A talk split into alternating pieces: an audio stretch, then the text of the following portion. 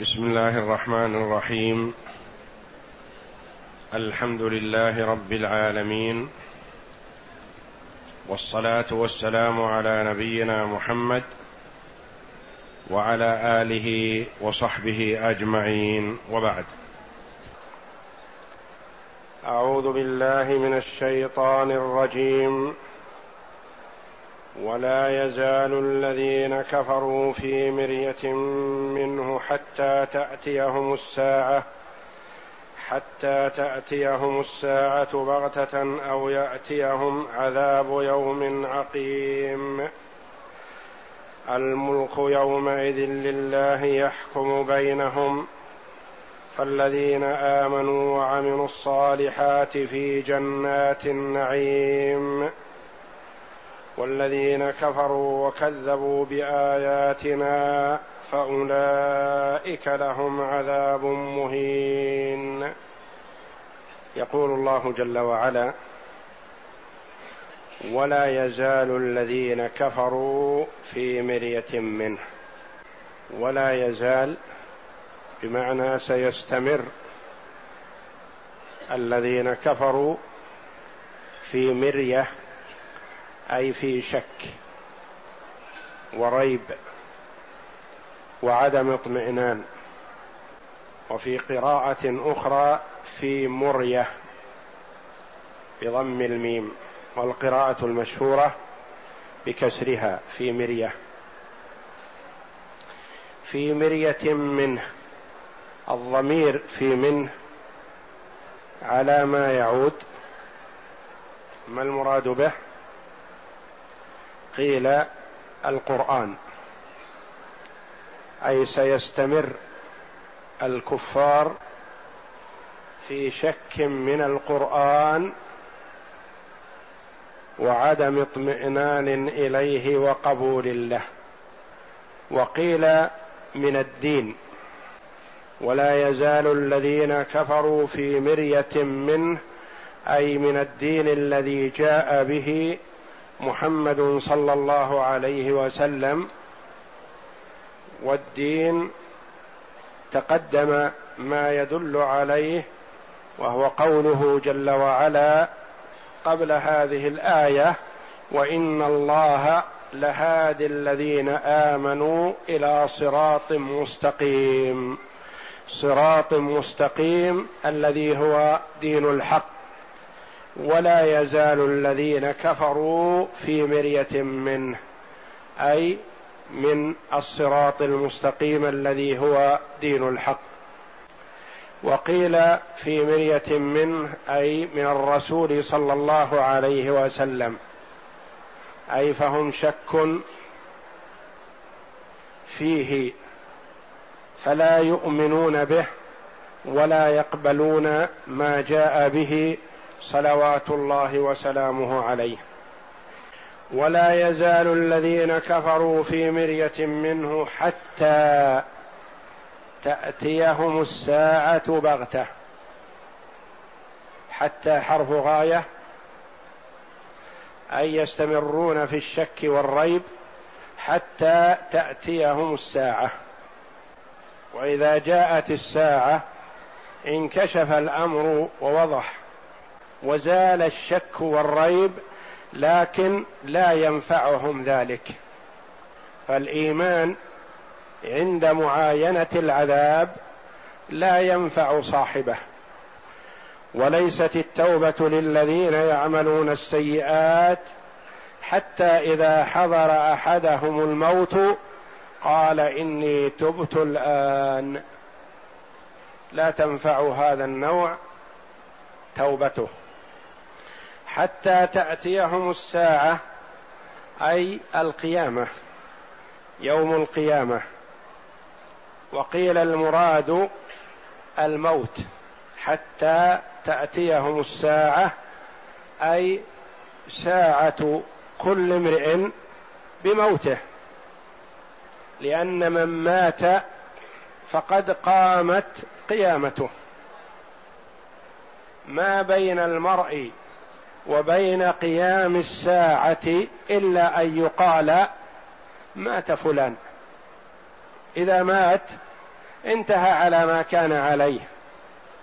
إن كان على خير فهو عليه إلى أن يبعث إلى أن يدخل الجنة. وإن كان مات على شر والعياذ بالله فهو عليه إلى أن يدخل النار والعياذ بالله. فالساعة العظمى للجميع. وساعة المرء قيام ساعته بموته حتى تأتيهم الساعة بغتة أي فجأة. فالمرء لا يدري متى يموت وليس للموت مقدمات.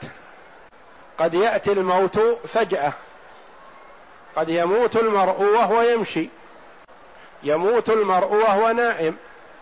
يموت المرء وهو يصلي. إذا تم أجله قبضت روحه.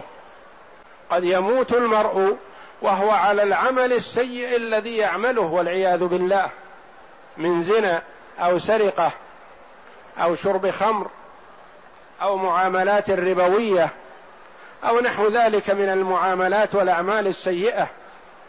التي قد يموت المرء وهو عليها والعياذ بالله. حتى تأتيهم الساعة بغتة أي فجأة بلا مقدمات ولا علامات. قد ينوي المرء نوايا حسنة أو نوايا سيئة فلا يمهل لها ولا يتم له ما أراد. وقد يخطر على بال المرء أنه يقدم على هذا العمل السيء الذي سولته له نفسه وقادته إليه وفي نيته أنه بعدما ينتهي منه ويحصله أنه يتوب إلى الله ويندم. قد يقول له ذلك الشيطان بأن يقدم على المعصية وبعدها يتوب والله يتوب على من تاب لكن عليه أن ينظر هل يتمكن من التوبة. هل يتحقق له ما أراد؟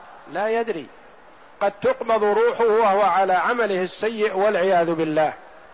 فيختم له بسيء عمله فيكون والعياذ بالله من أهل النار.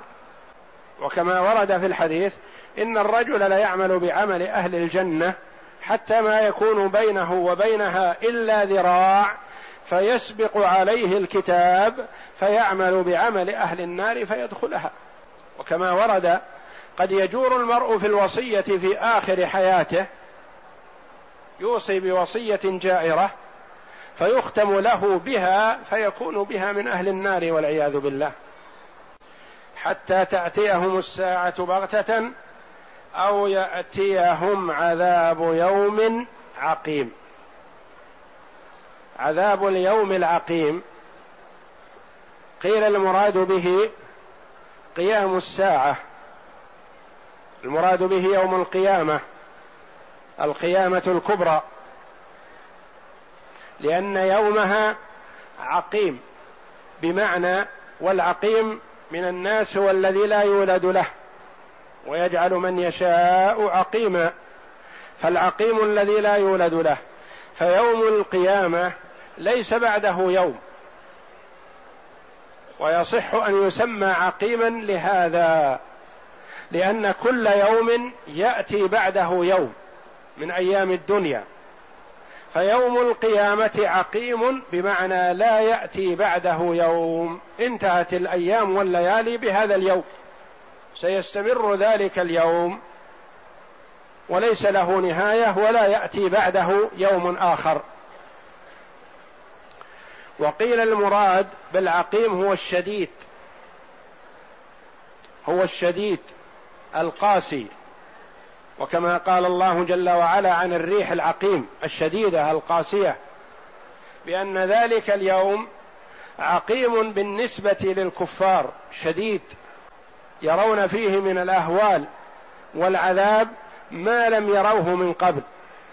أو يأتيهم عذاب يوم عقيم وقيل المراد باليوم العقيم هنا يوم بدر الذي توعدهم الله جل وعلا به.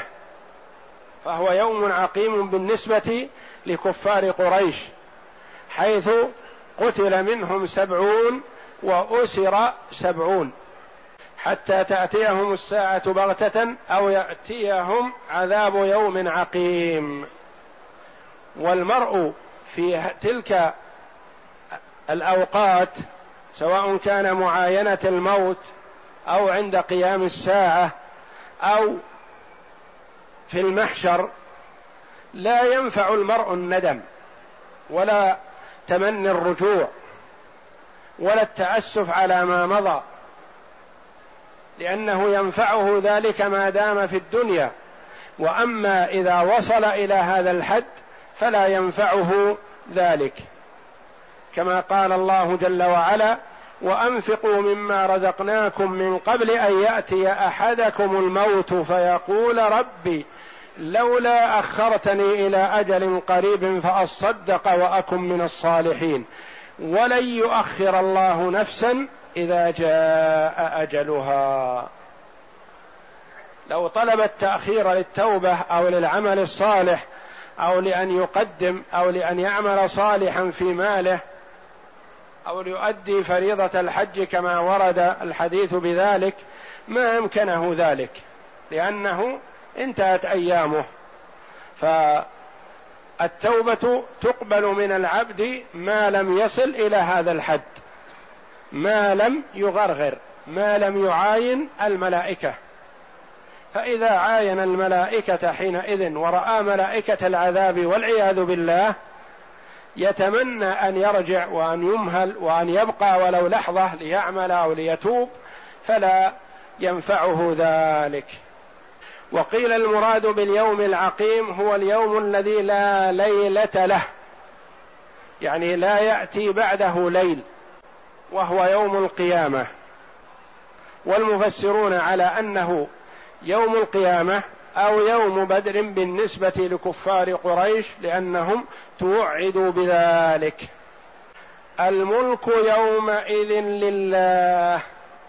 قال كثير من المفسرين المراد باليوم العقيم يوم القيامة. لما؟ لهذه الآية الكريمة لقوله الملك يومئذ لله يعني يوم القيامة. والله جل وعلا له ملك الدنيا وله ملك الآخرة فهو المالك لكل شيء جل وعلا. لكن في هذا اليوم لا سلطان لأحد مع الله. لا سلطان لا واسع ولا ضيق ولا أمر ولا نهي إلا لله سبحانه وتعالى. الملك يومئذ لله يحكم بينهم. هناك الحكم من الله جل وعلا بين الخلائق. أي أن هؤلاء الكفار يستمرون في الشك والريب وعدم الإيمان حتى يأتيهم الموت أو تأتيهم الساعة وحينئذ عند قيام الساعة الملك يومئذ لله. الملك يومئذ يومئذ تزول مريتهم أو يزول شكهم. في ذلك اليوم يزول الشك لكن لا ينفع زواله. قال المفسرون رحمهم الله يومئذ التنوين في يومئذ عوض عن جملة. يعني يومئذ يومئذ يزول الشك. أو يومئذ يؤمنون. لكن لا ينفعهم ذلك. يومئذ لله وحده. لا أمر ولا نهي ولا سلطان ولا تصرف إلا لله وحده سبحانه وتعالى. يحكم يحكم بينهم. يحكم جل وعلا بالعدل الذي لا جور فيه ولا ظلم. والله جل وعلا لا يظلم العباد شيئا. والحكم هناك على الحقيقة وعلى ما في باطن الأمر لأن الله جل وعلا لا تخفى عليه خافية فهو يجازي العباد بما يستحقون. بخلاف أحكام الدنيا فأحكام الدنيا على الظاهر. قد يتحرى الحاكم العدل ويحرص عليه لكن لخفاء الأمر عليه قد لا يحكم بالعدل. وكما قال عليه الصلاة والسلام وهو الذي ينزل عليه الوحي من السماء إنما أنا بشر.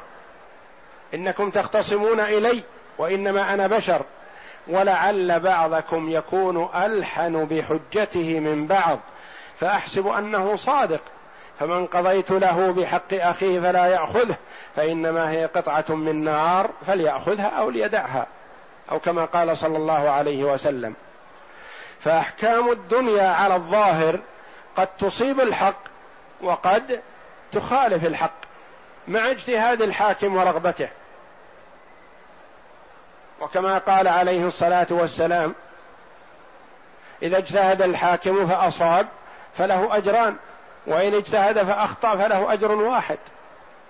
قد يجتهد الحاكم ويحرص على تلمس الحق لكن يخطأ. إما أن يأتي المبطل بأدلة يستدل بها الحاكم يظنها صحيحة وهي كاذبة بشهادة زور أو نحو ذلك فيقضي بها الحاكم لأنه ليس له إلا الظاهر. وأما الأحكام في ذلك اليوم العظيم فهي أحكام حق وأحكام عدل وأحكام على الحقيقة على الصواب الكامل. لا ظلم فيها. لا يظلم المؤمن بأن ينقص من حسناته ولا يظلم الفاجر بأن يزاد في سيئاته. يحكم بينهم. ما نتيجة الحكم؟ فالذين آمنوا وعملوا الصالحات في جنات النعيم. فالذين آمنوا بالله وصدقوا رسله وعملوا الصالحات أتوا بالأعمال الظاهرة التي أوجب الله جل وعلا عليهم. صدقوا بقلوبهم وعملوا بجوارحهم. فهم هؤلاء كائنون ومقيمون في جنات النعيم. فالذين آمنوا وعملوا الصالحات لا بد من الاثنين إيمان وعمل. إيمان بدون عمل يكون إيمان مزعوم ليس بصادق.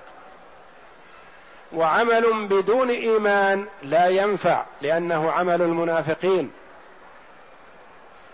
فلا بد من الإيمان والعمل الصالح. فالذين آمنوا وعملوا الصالحات في جنات النعيم مستقرون ومقيمون وساكنون في جنات النعيم. في جنات تتوالى فيها النعم من الله جل وعلا. ما لا عين رأت ولا أذن سمعت ولا خطر على قلب بشر. مهما أراد المرء أن يتصور نعيم أهل الجنة فلن يدركه. ولا خطر على قلب بشر. لا يخطر على قلب المرء وعلى تفكيره ولا يستطيع أن يتصوره أن يتصور النعيم الذي أعد الله جل وعلا لأوليائه في الجنة. فضلا منه وإحسان.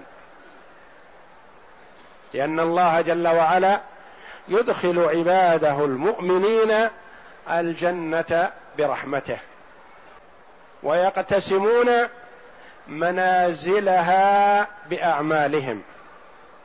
دخول الجنة بفضل الله ورحمته. لن يدخل أحد منكم الجنة عمله. قالوا ولا أنت يا رسول الله؟ قال ولا أنا إلا أن يتغمدني الله برحمته أو كما قال صلى الله عليه وسلم. فالله جل وعلا يتفضل على عباده بدخول الجنة وينزلهم منازلها العالية الرفيعة بقدر أعمالهم.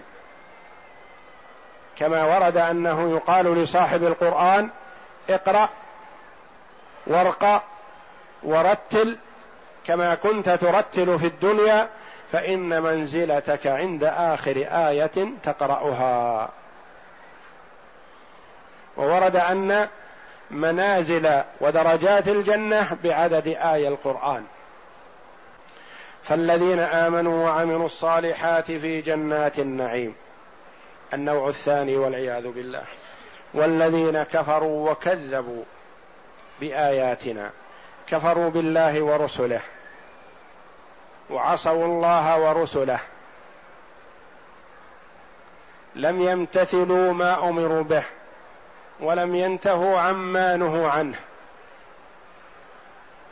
وكذبوا بآياتنا كذبوا بالقرآن. قالوا عنها إنها سحر أو شعر أو كهانة أو نحو ذلك مما قاله الكفار عن القرآن. وكذبوا بآياتنا فأولئك لهم عذاب مهين. فأولئك لهم عذاب يعذبون في نار جهنم. بعذاب والعياذ بالله تقترن معه الإهانة والاحتقار لأنهم تكبروا على آيات الله وتعاظموا فبسبب ذلك أهينوا. والمتكبرون في الدنيا يوم القيامة يكونون كأمثال الذر يطأهم الناس بأقدامهم. مقابل ما تكبروا يهانون ويحتقرون. فأولئك الإشارة هنا جاءت الإشارة للبعيد كناية عن بعد مستقرهم في نار جهنم والعياذ بالله. وبعدهم في الحقارة والعذاب. فأولئك لهم عذاب مهين. والعذاب وما يكلف به المرء في الدنيا قد يكلف بعمل شاق لكن فيه شيء من الشرف والمكانة. وقد يسر أنه كلف بهذا العمل الشاق. وأما عذاب الآخرة لهؤلاء الكفار فهو مع كونه عذاب هو مهين. ينالون فيها الإهانة والاحتقار والازدراء والتوبيخ من ملائكة العذاب والعياذ بالله.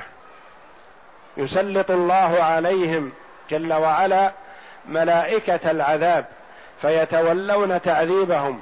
وقد حبب إلى هؤلاء تعذيب الكفار والفجرة من بني آدم كما حبب لبني آدم الطعام والشراب. لأن أولئك عصوا الله جل وعلا في الدنيا وتكبروا على عباد الله الصالحين وتعاظموا عن الامتثال لما أمر الله جل وعلا به ورموا آيات الله جل وعلا بما هي بريئة منه. فسلط الله جل وعلا عليهم ملائكة العذاب لتتولى إهانتهم واحتقارهم وازدراءهم وتوبيخهم المستمر مع ما ينالون من العذاب الأليم والعياذ بالله. وفي هذه الآيات الكريمة من الله جل وعلا بيان للعباد بيان للمنزلتين اللتين لا ثالث لهما في الدار الآخرة. منزلة الذين آمنوا وعملوا الصالحات في جنات النعيم. ومنزلة الذين كفروا وكذبوا بآيات الله لهم عذاب مهين. وشتان بين المنزلتين. والله جل وعلا وهب العباد العقول والإدراك. وأرسل إليهم الرسل وأنزل إليهم الكتب ليتأملوا. وليجتهد المرء في أن ينزل نفسه منزلة الأخيار مع التضرع إلى الله جل وعلا وسؤاله دائما وأبدا الهداية لأنه جل وعلا هو الهادي. فالهداية بيده جل وعلا التي هي هداية التوفيق والإلهام. بيد الله جل وعلا لا يستطيع أحد أن يعطيها. فالخلق الرسل والأنبياء والدعاة إلى الله جل وعلا على بصيرة يهدون الناس بمعنى يدلونهم الصراط المستقيم. هداية دلاله وإرشاد. وأما هداية التوفيق والإلهام فهذه إلى الله جل وعلا وليست إلى أحد من خلقه. فحري بالمؤمن الذي يريد نجاة نفسه دائما وأبدا أن يتضرع إلى الله جل وعلا بسؤاله الهداية والتوفيق بسؤاله الثبات على الحق والموت عليه حتى يلقى الله جل وعلا على عمل صالح يرضاه عنه. والله أعلم وصلى الله وسلم وبارك على عبده ورسول نبينا محمد وعلى آله وصحبه أجمعين.